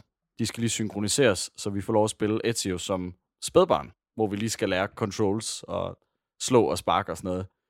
Hvilket jeg synes var vildt fjollet, men det bliver alligevel forklaret lidt. Altså det her med, at Desmond, han skal ligesom, øh, han skal lære at blive en assassin, og, øh, og i den forbindelse, der, der lærer han ligesom af Ezio helt fra starten, ikke? Det er lidt fjollet, man, man spiller en baby, men, øh, eller et spædbarn. Nu fedt det fjollet. Det var jo bare fedt. Men ja, så ved hjælp af at være i den her Animus og, og, og gennemgå Ezios liv, så kommer Desmond ligesom til at få alle hans egenskaber også. Og, øh, og det er ligesom, øh, hvad kan man sige, det er motivationen i, i nutiden i det spil her. Og, øh, og det er måske, altså det, det er i hvert fald der, hvor jeg, jeg huskede faktisk ikke, at de allerede havde skruet så meget ned for historien. For, for jeg husker, at det fyldte ret meget op til, op til Black Flag. Og jeg synes, øh, jeg synes måske, de har skruet, skruet lidt for meget ned. Men motivationen det, at de bare skal hen til det der skjulested, så skal de bruge Desmond som en assassin, og det er ligesom motivationen for, at han skal være i den der Animus. Det synes jeg var lidt, var lidt tyndt. Jeg synes også, der er den motivation med, at de ved, hvem han er, og hvis det er, at han ikke øh, var sammen med Assassins, så vil de bare finde ham igen og bruge ham, fordi de skal bruge, hvad der er i hans hoved. Mm. Jeg tror ikke rigtig, han har et andet valg, end at lære at blive en assassin, så han kan forsvare sig selv. Og det leder så jo også til det, vi snakkede om i det sidste spil, det der med, at han jo er vokset op som assassin på den her assassin farm. Men vi får aldrig rigtig... Altså, han snakker jo om, at han er flygtet fra The Assassins, og så er han blevet bartender. Og så har øh, tempelridderne fundet ham, og, og skal ligesom bruge hans øh, heritage, eller hvad, hvad kan man sige? De skal bruge, at, at Hans han... DNA med mig. Ja, og der får vi jo at vide, at han har været en assassin det meste af sit liv, og, men nu skal han så lære at være en assassin, og det, det synes jeg også er lidt... Ja, det er rigtig dumt. Ja, det er lidt dumt, ikke? Altså, jeg, jeg tror ikke helt, jeg, jeg, jeg forstår det. Det er som om, de glemmer det fra, fra det første til det andet spil, ikke? Helt enig, men det snakker vi også om i etteren. Mm. Men det ved jeg ikke. Hvad, hvad samlede du op af, af den del, Alex? Nu har du jo oplevet, øh, oplevet det for Men første det kan han gang. lige tage sit headset af, så han hører ikke så meget. Nå, I'm skide godt lavet, Alex. Helt sikkert. Så øh, vi kan snakke om lidt, øh, hvor en douche han er, når han er inviteret med til denne her. Jamen, øh, det er fedt, Alex. No problem. Tak for input. Ja, det er nice. Så er jeg tilbage. Uh, skete der noget, men jeg ikke? Nej, nej, nej. Men øh, tak for den her gang. det var fedt at snakke om Assassin's Creed. Ah, det er fedt. Hvad skal du bruge min info på? Nu er jeg her. Hvad så? Hvad sker der? Jamen, det er, det er, det er sgu for lang en tale Ja, til at, puha, at nå. gentage den, tror jeg. Jeg fortsætter bare. I, i året øh, 1476 er vi i Firenze, hvor uh, Ezio han er sådan en uh, ung s- uh, slagsbror. I Firenze, i Firenze er styret af Medici-familien, og, øh, og i hovedet for Medici-familien, der er Lorenzo Medici. Og øh, Auditore-familien og Medici-familien arbejder ligesom sammen. Og Giovanni Auditore, som er Ezios far, arbejder som øh, assassin og hjælper ligesom Medici-familien med at, at holde den her magt. Og den anden magtfulde familie, eller en anden magtfuld familie, som der er i, øh, i Firenze, det er De Pazzi. Og de er hjulpet af Tempelridderordenen. Og så har vi jo så ligesom de her to, ikke? Som, som jo er gennemgående i alle spillene. Ikke? Altså vi har The Assassins, og vi har Tempelridderne, som jo, jo hver arbejder henholdsvis for. Assassins, de arbejder for, at man har øh, øh, frihed, og Tempelridderne øh, arbejder for, at, at der ligesom er kontrol. De, de er gravet de to magtfulde familier op ikke? I, i historiebøgerne, og så har de ligesom givet dem hver en, en motivation i historien. Og det, det synes jeg fungerer rigtig fint. Ja, jeg er heller ikke nok inde i øh, detaljeret historie til, at, at jeg tænker, at det her det passer igen. Jeg synes bare, det er fedt, at de lige har tilføjet det her ekstra lag. Mm. Men øh, Etios familie bliver taget til fange af, af de her øh, tempelridder, og, og Etio han klatrer så op på Piazza della Signa, Signoria, som er det her tårn i, øh, i Firenze, hvor hans far bliver holdt fanget, og hans far siger, at han skal tage hjem til deres hjem og, øh, og bruge sine specielle evner. Og det ved vi jo, det er det her Eagle Vision, til at, øh, til at finde et hemmeligt rum, han har, hvor han har en kiste med sit assassin-outfit i. Hvor Ezio på det her tidspunkt ikke kender noget til, noget til øh, øh, Assassins øh, orden eller noget som helst. Kort efter, der bliver familien så forrådt, og hans far og to brødre bliver hængt foran ham. Altså Ezios øh, far og to brødre bliver hængt. Og det gør så, at han må flygte sammen med sin mor og søster, fordi at øh, tempelridderne og øh, Departi-familien vil have dem slået ihjel. Og det, ja. er, og det er så motivationen i spillet. Det er jo så, at man skal få øh, øh, Rodrigo Borgia, som er lederen af tempelridderne, øh, slået ihjel, og at man ligesom skal øh, undertrykke Departi-familien og hjælpe Medici-familien med at øh, overtage magten igen. Det har de skulle gjort en fint arbejde med at, at, at få det til at føles som om, at det rent faktisk er noget, man gider at bruge tid på. Jeg vil lige uh, tilføje, at jeg havde fuldstændig glemt, at hele hans familie den blev hængt. Og jeg kunne ikke forstå, hvordan, fordi det var hele hans motivation til at starte med. Men øh, hvad med dig, Alex? Chokerede det overhovedet dig, eller tænkte du bare, nå ja. Nej, det gjorde det og Jeg synes, jeg synes altså historie, historiemæssigt, nu har jeg lige været lidt efter den, øh, historiemæssigt øh, tidligere, men jeg synes, det, det første, den første øh, fjerdedel, øh, tredjedel måske, altså synes jeg er pissegod. Altså det her anslaget her, øh, sindssygt godt, sindssygt stærkt, øh, og får ligesom etableret en stærk motivation, uh, altså som, som man forstår, og det er lige til historie. Det, det, synes jeg, det synes jeg var rigtig godt. Ja, og så er der jo hele, hele det her, øh, hvad kan man sige, han gør så gode venner med, med, med de her øh, bordeller, og faktisk jo lærer, hvordan man øh, sniger sig rundt og stjæler og, og så videre. Øh, som en assassin, det lærer han jo af, af de her prostituerede, eller må man sige det længere, de her sexarbejdere. Luder? Jeg synes, det er bare, du skal kalde dem det, de bliver kaldet for i, uh, i spillet. Det, er fordi, det, er, det er fordi, at de har sådan et fint, synes, de har sådan et fint navn øh, dengang, i forhold til, nu kan jeg ikke huske, hvad det hedder. Lystpiger. Nej, det var noget andet. Det var lige godt. Ja, han bliver i hvert fald øh, han bliver venner med dem, og med 20 konger, hvis man kan sige det sådan, og alle mulige andre. Lidt øh, bunden af hierarkiet, men det viser sig jo så, at det er alle de store assassins, mm. som ligesom kører orden videre, og at han lige så stille bliver oplært af dem alle sammen. Undergrund. Og grund til, at han bliver oplært på, øh, på den måde, det er fordi, at øh, onkel Mario, han troede, far han havde oplært ham i de her ting, men det havde han ikke. Og så oplærte de ham lidt med manipulere, manipulation, sådan han ligesom selv kan finde sin vej frem, for at de, øh, han kan blive godkendt som en assassin.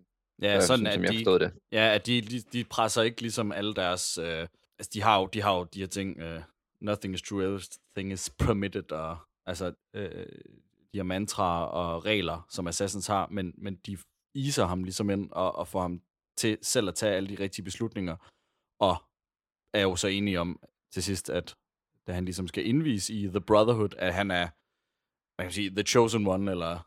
Det er næsten som, at efter Altair, så ved de, man skal ikke presse ham, man skal ikke presse for meget, vi guider ham. Ja. Ellers så bliver han bare batshit crazy og nakker uskyldig. øh, ja, der, der har jeg måske noget, jeg kommer til at skulle sige undskyld for. Okay. Har du nakket uskyldig, Alex? N- nej, de var ikke uskyldige. Altså, jeg har, det, har, det er jo sådan en helt anden teori, jeg har om, omkring det her spil her. Emil, du, du, du har været lidt vidne til det. Øhm, men, men jeg ved jo godt, oh, de rigtige... De, det er tid til Alex teorier. Okay, kør. Thanks. De rigtige skurke i det her spil her, det er jo barterne. Det ved jeg godt. De der fucking barter der, som konstant prøver at sabotere alt, hvad man er gang i. Jeg har luret dem. Nå. jeg har luret dem. Og jeg har gjort mit, for at der ikke var flere tilbage i spillet. Nå, er det rigtigt? uh, er det ikke? Du er konge. Ja, Og det har givet problemer undervejs, det kan jeg lige så godt sige. Il campione will have his way. Men det må du da indrømme, det var da også lidt sjovt, var. Så, øh, så fik de ligesom noget frem i dig, og så fik du noget ekstra ud af spillet, som vi jo ikke har. Det lyder som, at jeg kan have spillet Assassin's Creed 2 med GTA-mentaliteten. de skal bare pløje sted. Fordi jeg ønskede at pløje dem ned. Det ville de fandme selv. Jeg må indrømme en anden ting, der er tilføjet i spillet, som jeg fuldstændig havde glemt var tilføjet, det er, at der er røgbomber. Øh, det husker jeg først om, at det kommer ind i Black Flag, og det brugte jeg at røve meget, fordi smider du sådan en ned, så kan du tage en 10 vagt derud, uden de gør noget, bare med hidden blade. Ja. Og så Yderst det andet, jeg ellers, ja, det andet, jeg ellers brugte konstant, det er, at der er de der 20, som du en gang imellem kan fange, for at få en helvedes masse penge. Når de lige dukker op, så bare marker dem som target og smid en kastekniv i ryggen på dem, så får du 500 bobs. Det var rigtig nemt. Og generelt bare, når du skal jagte nogen for at dræbe dem, så er det bare hurtigt at markere dem, og så bare kaste to-tre kasteknive på dem, og så er det done. Det har gjort det rigtig nemt at klare rigtig mange missioner. Det skulle jeg have gjort noget mere. Ja, det, det gjorde jeg godt nok rigtig meget. Hver gang der var de der chase-sekvenser. Jeg tror kun, det var én gang, at jeg fulgte efter en, og så sprang på ham for at fælde ham. Ellers så har jeg bare kastet kniv, og det er ude bare hver gang. Men det, jeg må også indrømme, der har jeg også en eller to gange haft en civil, der lige rendte ud foran en uh, kniv i luften. Er det så min skyld, når du kaster en kniv, og så er der en, der siger, der er en kniv, jeg kaster lige hovedet den foran? Ja, det var det måske, men jeg havde det jo dårligt bagefter. Fik du annonceret, at der kom kniv? Det var sgu det, jeg glemte. Noget andet rigtig fedt, man kan, som spillet ikke fortæller dig på noget tidspunkt, det er under din, øh, hvad kalder man det for? Du har sådan en lille wheel med de forskellige våben, du kan vælge, hvor du så kan vælge dine kasteknive og røggranater. Der kan du også vælge penge, og så kan du bare kaste en røvmasse penge ud til mængden af mennesker, og så kommer de alle sammen og samler de penge op, og det er rigtig, rigtig godt til at distrahere vagter, eller hvis du skal gemme dig i mængden af mennesker. Ikke at jeg fik brugt det særlig meget, men jeg synes, det er fedt, at, at de har smidt det ind, også uden rigtig at give dig en uh, tutorial på, hvordan det virker. Bare røg penge ud på gaden, og så kommer der masser af mennesker hen og distraherer alle mulige. Det synes jeg, det var meget fedt. Det var meget fedt. Det er en, det er en meget nem måde at komme ind i de der kamre, hvor man skal hente øh, skriftruller til Leonardo. Jamen, de giver en, en, en, en masse redskaber, og så kan man ligesom selv sammensætte sin egen spilstil. Og det er bare, det er bare fedt. Det fungerer Ja. også i dag. Og jeg, jeg synes også, det er også en ting, vi snakker om altid, når det er de her gamle spil. Det er jo, tager vi stilling til, at det er et vildt gammelt spil, og alle de ting ikke fungerer i forhold til i dags standard. Altså, øh, og, og der synes jeg bare stadig, at alle de ting der, jeg, jeg synes, det virkede friskt og lækkert. Og jeg hyggede mig vildt meget med det. Det gjorde jeg virkelig også. Jeg vil sige en lille bitte ting. Første gang, at... Øh, eller en lille bitte ting. Det er bare endnu en ting til historien. Fordi han skal jo også lære at være lidt hederlig, fordi han bare er en øh, gadedreng, så at sige. Øh, Ezio. Han har ikke særlig meget ære. Så første gang han dræber en, så er han bare sådan, fuck dig, spytter på ham og sparker lidt til ham. Hvor han til øh, Mario så er, hey, hey, sådan gør vi ikke. Du skal lige sige, og så lige øh, citere et eller andet, jeg går ud fra fra Bibelen eller sådan noget, lige sådan lave sådan en lille æres, kom bedre ind i det næste liv, og jeg håber, du kan opføre dig bedre næste gang. Men efter første gang, han har lært det, så er dit mor nummer to, så gør han det der med lige sådan at være ærefuld og lave det der citat. Og så det næste, der sker, det er en cutscene, hvor det er, at øh, vedkommende, han bliver hængt ud over en bygning i undertøj. det synes jeg bare, det var meget, meget øh, modsigende. det synes jeg, det var fucking konge. Ah, man kan jo ikke vinde hver gang. Nej, og jeg går ud fra, at det skulle med, fordi at det var et eller andet historisk med en anden, der blev hængt eller sådan noget, men øh, jeg synes bare, det, ja, det passer meget ringe ind at han lige har fået sådan en, øh, det er sådan, at det skal gøres med ære, og så gør han det med ære, og så ser du næste gang, at jeg bliver kastet ud over i undertøj, det er fucking sjovt. Der skulle ikke så meget til, at mor og mig havde en fest i det spil her i hvert fald. det, var, det var fedt. Første gang, at øh, Leonardo da Vinci, en ting, jeg lige vil spørge jer om, han skal flytte by, og det er, at du så er hans, øh, hvad hedder det? Hedder det en kusk? Jeg kan ikke huske, hvad det hedder. Det er en, der sidder oppe og styrer vognen. Ja. Yeah. Hvad skal du sige om den øh, sekvens? Sådan en lille øh, car chase. Det var, Nå, det ja. var meget sjovt. Det var meget sjovt. Altså, ja. Øh, igen, væsentligt nemmere, end jeg husker det fra dengang. Det er også sådan en, jeg husker, jeg Helt klart. ikke kunne finde ud af. Men øh, jeg synes, det var bare sjovt. Et lille øh, hurtigt afbræk, og det er jo, det er jo hurtigt overstået. Jeg synes, det er ret sjovt. Det er jo racerspil i renaissancen. Det, Ja, det synes jeg også. Og det er faktisk, der var ret godt afsted med det. En, en ting, som de introducerer, det er jo, øh, de, har- de har jo øh, både, nu kommer I efter mig, gondoler øh, i Venedig, som man jo sejler rundt i, ikke? Og, og det er første gang, vi får introduceret sejlads i Assassin's Creed-serien. Og det er bestemt ikke sidste gang. For det kommer jo til at være Nej. en, en gigantisk del, i, i, sp- specielt i Black Flag, men, men også i de andre. Altså, de beholder ligesom, ligesom den del, og det, det bliver næsten en, en hoveddel i de senere spil. Ja, det topper ligesom i Black Flag og i Odyssey, og så går det ellers bare ned ad bakke i Valhalla. Nej, og så det ene Assassin's Creed-spil, som jeg aldrig kan huske, hvad hedder. Uh, er det Rogue, hvor man også er en pirat, som, som vi kom til at skippe jo, dengang det kom ud. Men jeg, måske, måske Jeg er det min yndlings. Ja, måske er det min yndlings Assassin's Creed-spil. Og Alex, du, du kommer til at, at kunne lide de spil bedre. Ja, helt sejl, sikkert. Sejle rundt og Altså- være en pirat og opdage øh, øer og grave skatte op. Og, altså, altså, det Og er... nu skal jeg ikke... Øh, Tortuga. Tortuga. Rodrigo Borgia, Borgia som er, er, er lederen af, af, af tempelridderne. Han, øh, han, han vil åbne sådan et kammer i, i Vatikanet. Og for at åbne det kammer, der skal han bruge to Pieces of Eden, som jo er, er det her, de her øh, relikvier, vi fik øh, introduceret i det første spil. Og der er jo også en del af spillet, der handler om, at vi har det her Apple of Eden, og så bliver det taget fra os, og så får vi det igen. Og, øhm, og til sidst har Rodrigo Borgia, øh, han er så blevet pave. I Vatikanet har han så to andre stykker Pieces of Eden at prøve at åbne det her rum, men det lykkes ikke for ham. Og det er så fordi, at han ikke er The Chosen One. Den, ham med karakteren, du nævner, han er den, der styrer hele templet og orden. Trods af, at du pløjer alle hans mænd ned i hele spillet, så er han stadigvæk så latterligt pagt, uh, øh, magtfuld, at han bliver paven og får det ene relikvie. Og det, det synes jeg er helt sindssygt. Og når du så kommer tilbage til sidst i et showdown, du skal ligesom have gennemført alt i spillet, så kan du snakke med Mario om at vælge at tage til Rom, for, for så at nakke ham og prøve at nakke ham. Og det gør du så, og du kommer ind i Vatikanet, eller hvad det nu hedder, og du prøver at snimøre ham. Men han er helt klar på det, og han vælter dig, og han kan styre alle de her mennesker her, og få dem alle sammen til at falde i søvn ved hjælp af sin øh, stav, og så er der et kæmpe showdown, hvor det er, du har det øh, Apple Ved hjælp af sin stav. Ja. Jamen, det er stav. Hvad kalder du den for? Ja, de her uh, Pieces of Eden. Ja, den lignede meget til forveksling, den som, øh, som øh, han har fra Odyssey. Ja. Alexi og Det kan jo, navne. det kan jo være, det er den ja. ufuldendte. Ja, for det er i hvert fald ikke den, fordi Alexi han render rundt ved et eller andet sted i den tid her. Det er lige godt. Ja, ja, det er rigtigt. Ej, det jeg faktisk helt glemt. Det Ej, det, det er så mærkeligt. Åh, oh, Alex han aner ikke, hvad vi Ja, snakker jeg om. ved det. Nej, jeg er lidt ked af, det lige har tilføjet. De, de mangler lige at tilføje en eller anden, uh, ikke DLC, men sådan et, uh, en customization, så at du kan se, se ham rende rundt eller et eller andet. Det gør fucking fedt. Men igen, det er lige godt. Jeg synes, det er et monster fedt showdown, i og med, at du har The Apple of Eden. Og jeg synes, det var et fedt showdown i Assassin's Creed 1, hvor du kunne nakke ham her, som i virkeligheden viste at være tempelridder, fordi han multiplicerer, multiplicerer sig selv, multiplicerer. Jeg er ikke snakke. han laver en masse, han duplerer sig selv rigtig, rigtig mange gange. Og det kommer du så også som Ezio til at gøre. Og jeg fik næsten gåsehud over, hvor fedt det er, at nu har du den her magt, og kan lave en masse kopier af dig selv, og så får at nakke ham her. Øh, og du ender så stadig med at blive besejret, på trods af, at man giver ham fucking mange tæsker, og han ikke kan en skid. Men spillet synes, du skal tabe, og så taber man. Og så nakker man ham så alligevel. Og til allersidst, når vi så snakker om de her øh, øh, folket, der var der før, eller hvad de hedder, Johannes, jeg glemmer det altid. I, I, Isier, Iriser, Syrier.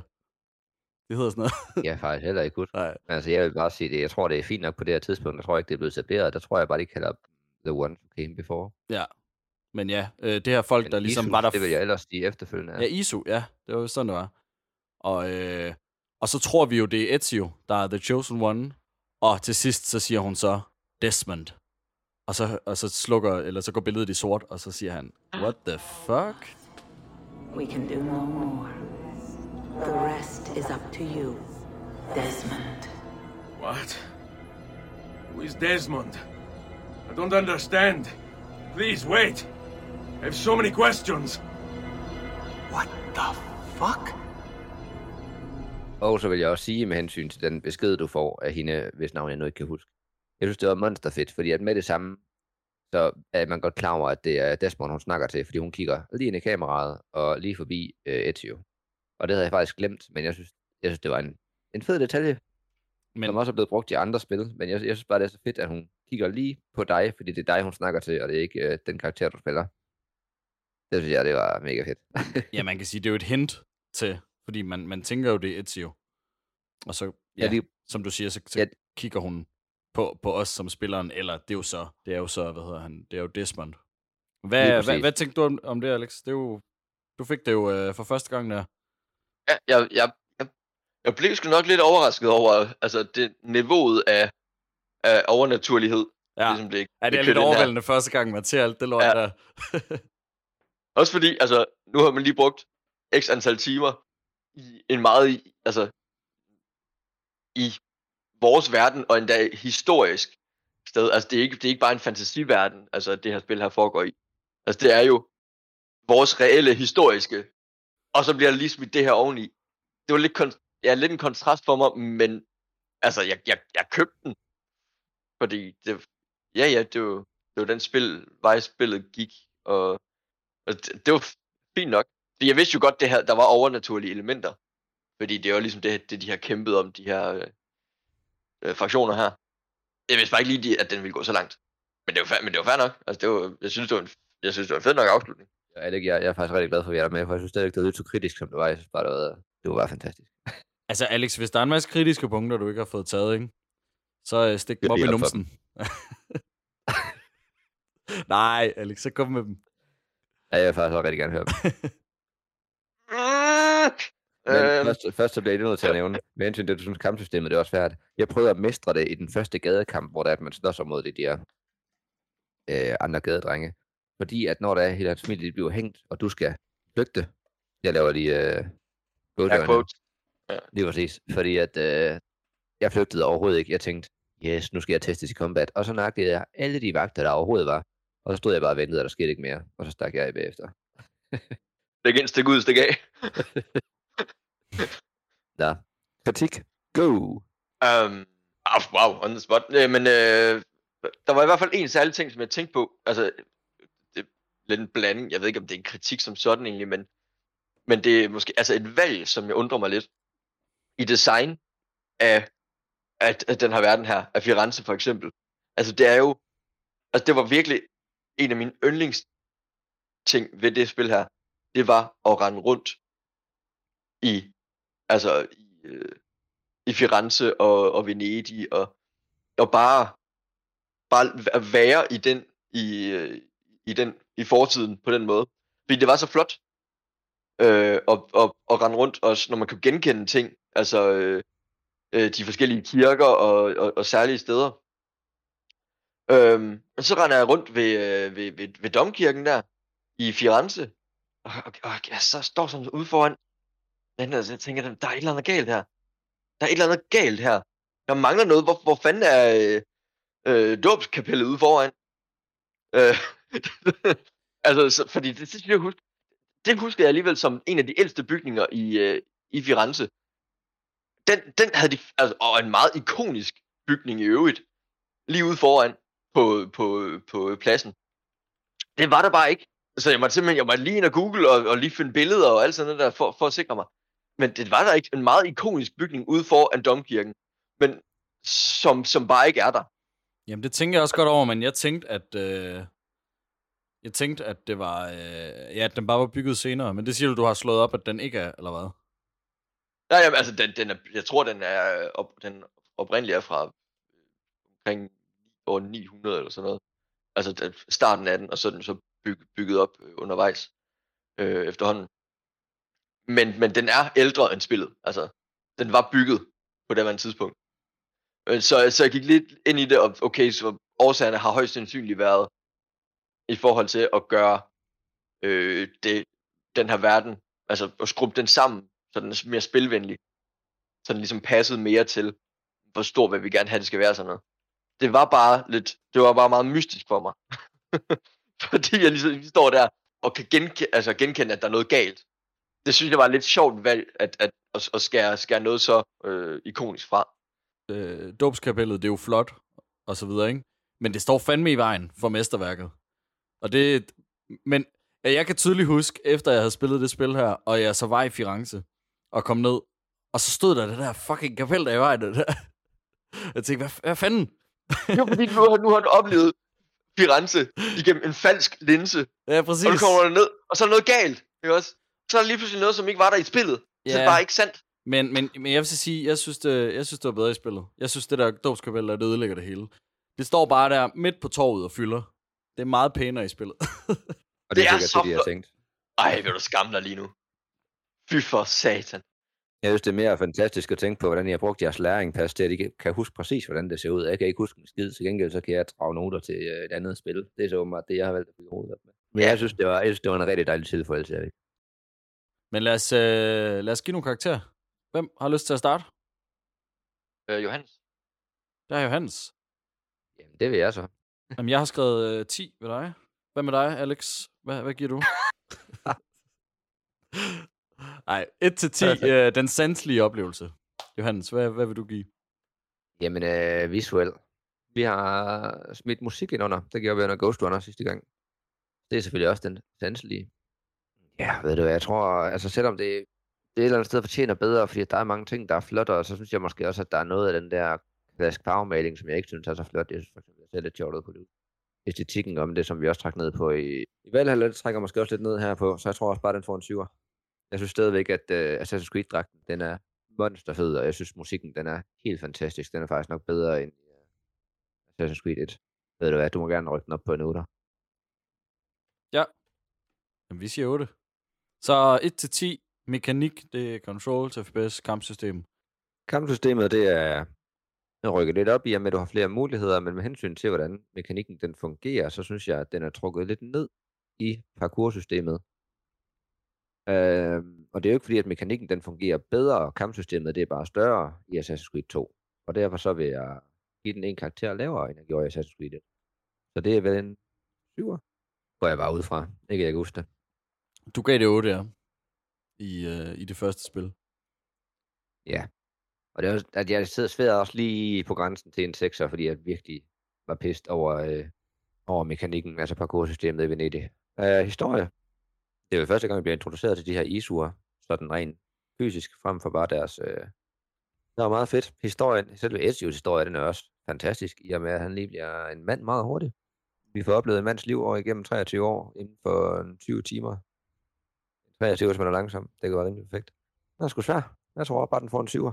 Hvad med dig, Alex? 1 til 10. Den sanselige oplevelse. Jamen, jeg tror, jeg lander på en... Øh, jeg tror, jeg lander på en 8. Der. Ja, altså, det var virkelig det, der bare spillede for mig. Det var de sanselige dele, altså øh, musikken og det visuelle. Øh, og det synes, jeg, det synes jeg virkelig, de har gjort godt. Så det er helt klart det, der bare det for mig. Og øh, så det mekaniske der, styringen, og der giver jeg det en femmer. Og det er ud fra, at jeg godt, altså, at jeg anerkender, at, at det kan noget.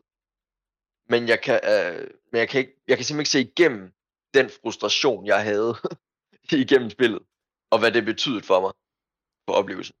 Og hvad der så lige er, er løsningen, og, og op og ned, om det er bare mig, der, der, ikke, der ikke fatter det, eller om, øh, hvad, hvad det lige er. I don't know. Jeg kan ikke give det mere end 5 i hvert fald. Jeg tror, det er fordi, jeg, jeg er sådan lidt ked af, at jeg, jeg ikke forstår det, fordi I, har, fordi I elsker det styresystem så meget. Så, så, sådan, så jeg tror lidt, det er en, jeg ved ikke, mig, der prøver at anerkende, at det, at det jo nok er godt. Jeg har bare ikke haft den oplevelse. Men det er jo, men det er måske en, det er jo en falsk øh, præmis at dømme det ud fra. Jeg skal jo dømme det ud fra min oplevelse af det. Den er også svær, for hvis en, øh, en der aldrig har spillet computerspil før, synes, det er rigtig svært, at det er bare noget lort, der giver den en til alle, så er det jo et eller andet sted heller ikke helt fair, så er det bare, fordi spilleren er dårlig. Nej, nej. Så jeg kan godt forstå, at det er, at det er svært. Den får, den får så en øh, rygte til en 4. Den får en 4. Det giver bedre mening. Historien er klart øh, mit største kritikpunkt. Fordi jeg synes, altså de starter det så godt ud. Øh, laver et rigtig godt anslag, som har mig med. Og får etableret altså det her univers her, øh, øh historiske univers, med så meget potentiale, som man ikke fatter det. Og de bruger nogle, nogle af delene, øh, for eksempel øh, attentatet på øh, Lorenzo de, de Medici, som, som jo så lige også derinde og afværge øh, øh, hans død der og sådan nogle ting der. Fedt, fedt, fedt. Øh, men helt overordnet, så synes jeg, de misser rigtig mange ting, og jeg synes ikke, manuskriptet er pissegodt. Der var, jeg havde mange, jeg havde krampe i store tåen nogle gange af cringe.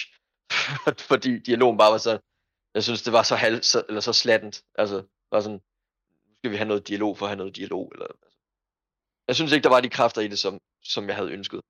Så, øh, så rigtig mange gode ting, men også bare alt for meget spildpotentiale. der giver jeg den 3.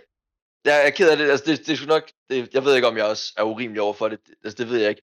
Det, det var bare den her kæmpe frustration over det, fordi jeg synes, jeg synes anslaget var så godt, og, og hele universet, og så synes jeg bare, jeg, jeg, synes, jeg, synes, de, jeg synes lidt, de pissede det væk med bare, altså, det var bare, nå, slå ham her ihjel, slå ham her ihjel, slå ham her ihjel, slå ham her ihjel, slå ham her ihjel. Og sådan synes jeg bare, det kørte i rundkreds i, ja tak, altså i, ja, så, Slå ham der ihjel.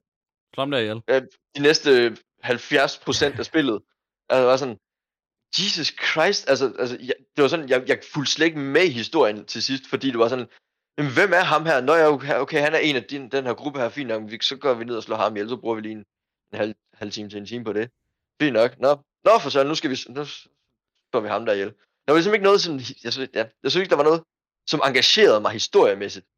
Altså, sådan lidt, nå, i- ikke udover, ud hvad, det hvad kan man sige, hele, hele anslaget og hele historien, der er sat i søen, jo forklarer, altså hvem det er, man går efter, og hvilken sag det er, man arbejder for, og præcis, hvad det er, de her mennesker, de vil opnå, som man slår ihjel. Altså hele øh, tempelridderordenen og, og så videre. Så synes jeg, det giver øh, fint mening. Altså, men fair nok, hvis, hvis du sådan føler, at spillet er så langt, at du sådan lidt har glemt det på det tidspunkt. Men det bliver jo, det bliver jo sat i søen det hele i den her start, som jeg også synes er fremragende. Øh, og Mm. mm. jeg, jeg er enig med dig i, at den taber pusten efter de der 5-7 timer.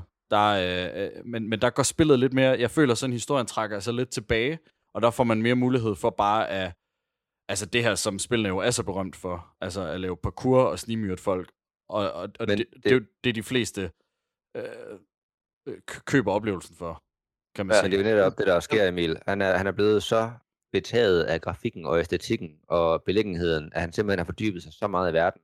Så en gang imellem bliver han trukket ud af den, af den historie, der også fungerer, og det kunne han ikke lide.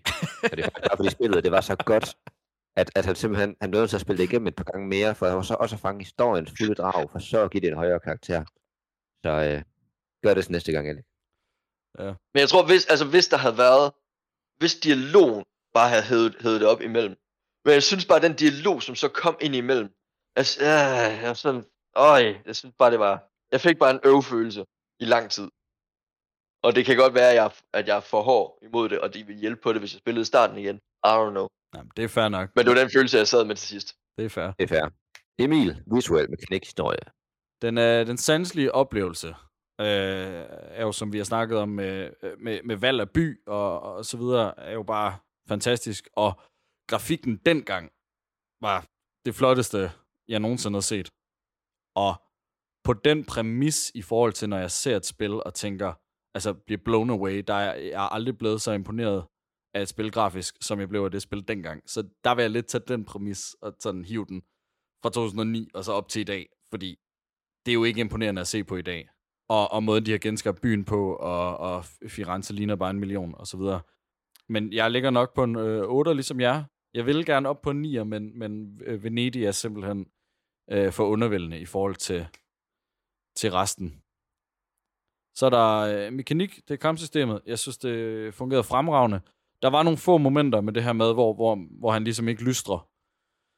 Øh, men langt hen ad vejen, synes jeg, det fungerede fuldstændig. Jeg fejlede ikke rigtig nogen af de der øh, hop. Der Det var ganske få. Jeg synes, øh, spillet kørte jo selvfølgelig på, på min supercomputer her, kørte det jo uden problemer, så der, der scorer det jo også højt. øh, men det er jo, hvad man kan forvente.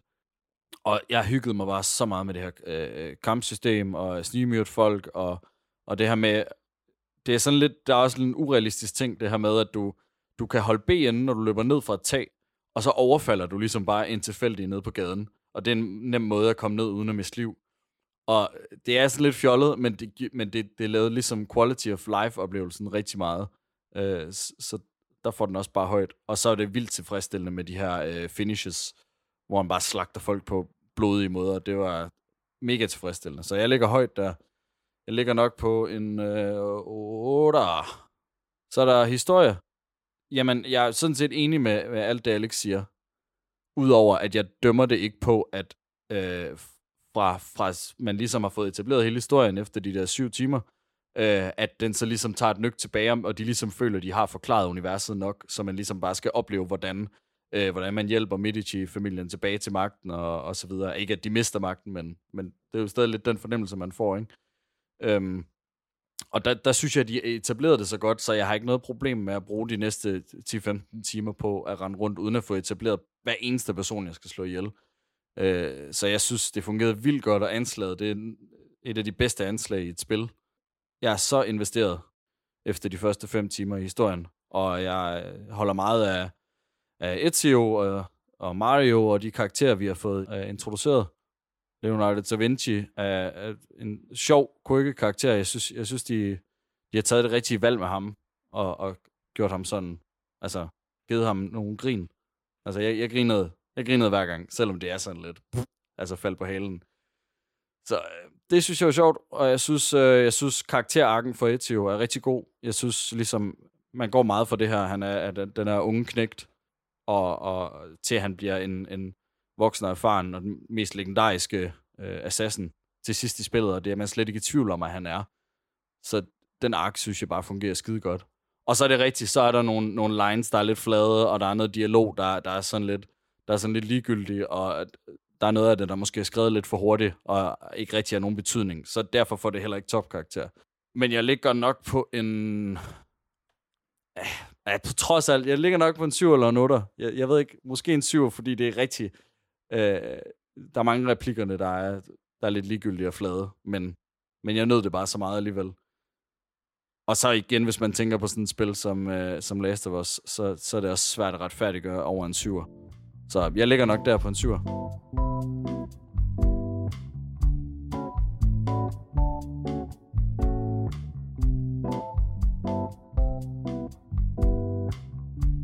Og nu har der så været øh, en jingle, og det betyder, at jeg læser karaktererne højt.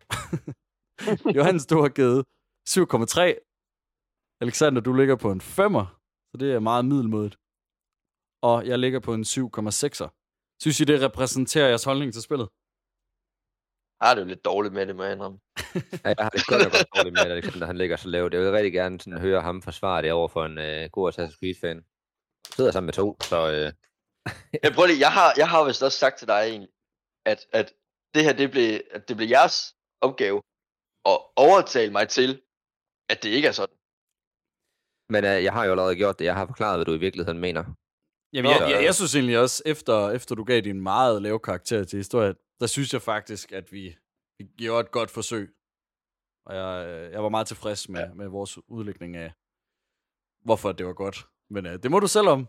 En femmer, det er også, altså man kan sige, du, det er jo heller ikke uh, negativt. Det er jo bare, det er ikke et spil, du husker, tænker jeg. Den repræsenterer i hvert fald. Ja. Jeg, jeg ved ikke, det kan også være, ja, det kan være, at, at jeg fortryder øh, min hårde vurdering af historien der. Det ved jeg ikke. Nå, jamen øh, med det sagt, så er vi jo egentlig også færdige. Så har vi gennemgået det hele. For jeg havde ikke mere tid for fem minutter siden, så det er fint. Hey, vi skal lige se, uh, vi skal vise min lille fødselsdagsgave til mig selv. Har du købt tv? Ja, du har så. Fuck yeah! Hvor er det fint. Hvad skulle du give for sådan et, og hvor stort er det? Øh, 55 dommer, og, øh, og jeg har givet 6,5. Og det står med, at det Hvorfor ikke 65, næsten, næsten Alex? Jamen, fordi det, jeg skulle ikke have 65. Det er en fejl. Byen er en fejl. Det var podcast.